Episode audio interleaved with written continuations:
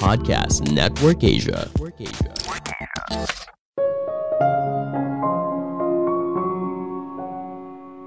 Sri Lanka punya mimpi besar menjadi the next Singapore. Tapi karena korupsi dan hutang yang membludak, semuanya hanyalah mimpi semata. Halo semuanya, nama saya Michael. Selamat datang di podcast saya, Sikutu Buku. Kali ini saya akan membahas pelajaran apa yang bisa kita ambil dari bangkrutnya Sri Lanka. Padahal mimpi Sri Lanka itu besar loh, ingin jadi the next Singapore. Namun sayang, mimpi itu dibangun di atas hutang yang besar. Ketika negaranya tidak lagi mampu membayar hutang, bahkan untuk membayar bunganya saja kesulitan, di situlah terjadi masalah besar. Ditambah lagi, korupsi yang merajalela membuat belanja anggaran pemerintah menjadi tidak tepat sasaran dan akhirnya merugikan hidup banyak orang. Sebelum kita mulai, buat kalian yang mau support podcast ini agar terus berkarya, caranya gampang banget. Kalian cukup klik follow Dukungan kalian membantu banget supaya kita bisa rutin posting dan bersama-sama belajar di podcast ini.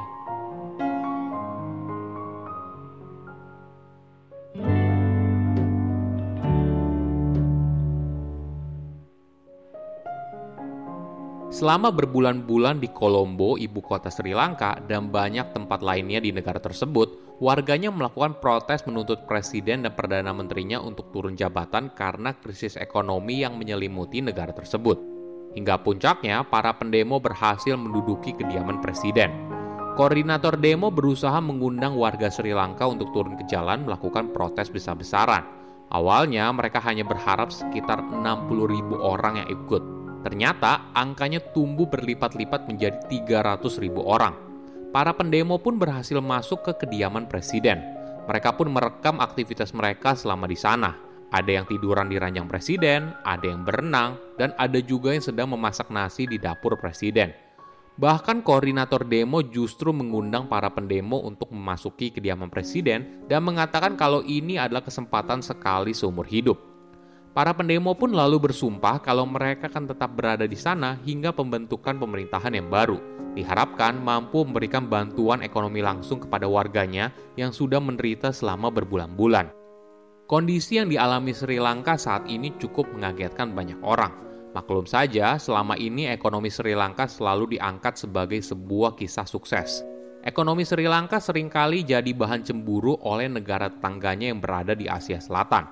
Coba bayangkan, Sri Lanka merupakan bagian dari koloni Inggris hingga tahun 1948. Lalu hampir 30 tahun berikutnya dihabiskan dengan Perang Saudara.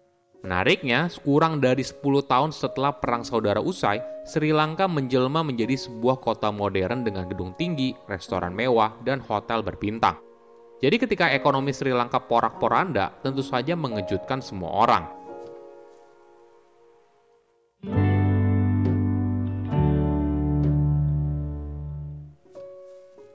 Apa yang terjadi? Pada tahun 2005, ada sebuah keluarga petani yang berpengaruh bernama Raja Paksa. Keluarga ini sudah sejak lama terjun di bidang politik.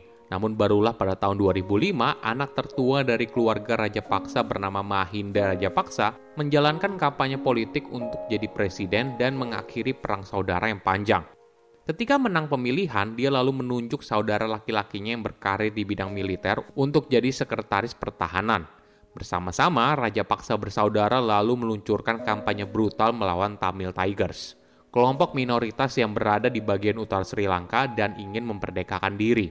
Ketika mereka menang, Raja Paksa bersaudara dielu-elukan oleh rakyatnya dan dianggap sebagai pahlawan. Setelah itu, Mahinda Raja Paksa punya mimpi yang besar. Dia ingin Sri Lanka menjadi the next Singapore, artinya sebuah kota modern dengan ekonomi maju dan warga ekonomi kelas menengah yang besar. Namun sayang, Sri Lanka sudah kehabisan uang. Mereka menghabiskan begitu banyak uang untuk menumpas pemberontakan. Mau tidak mau, Sri Lanka harus meminjam uang. Mahinda lalu berkeliling, mulai dari IMF, Cina, Jepang, bahkan India, untuk mendapatkan pendanaan demi pembangunan infrastruktur. Ketika akhirnya pinjaman mereka disetujui, Sri Lanka mulai membangun proyek besar-besaran, mulai dari jalan layang, pelabuhan, hingga bandara. Semua dengan harapan Sri Lanka bisa seperti Singapura dan berhasil. Sri Lanka telah menjalani transformasi ekonomi dari yang awalnya hanya ekspor teh hingga menjadi negara yang bisa menarik banyak turis dan investor untuk datang. Dalam waktu singkat, jaringan hotel mewah dan layanan pariwisata mulai membuka usahanya di Sri Lanka. Maklum saja, negara itu dikenal memiliki pantai yang indah dan kuil yang terkenal. Turis dari berbagai belahan dunia mulai berdatangan. Ada yang dari Rusia, Inggris, dan berbagai wilayah dari Eropa. Dari 2005 hingga 2015, ekonomi Sri Lanka telah bertumbuh lebih dari tiga kali lipat.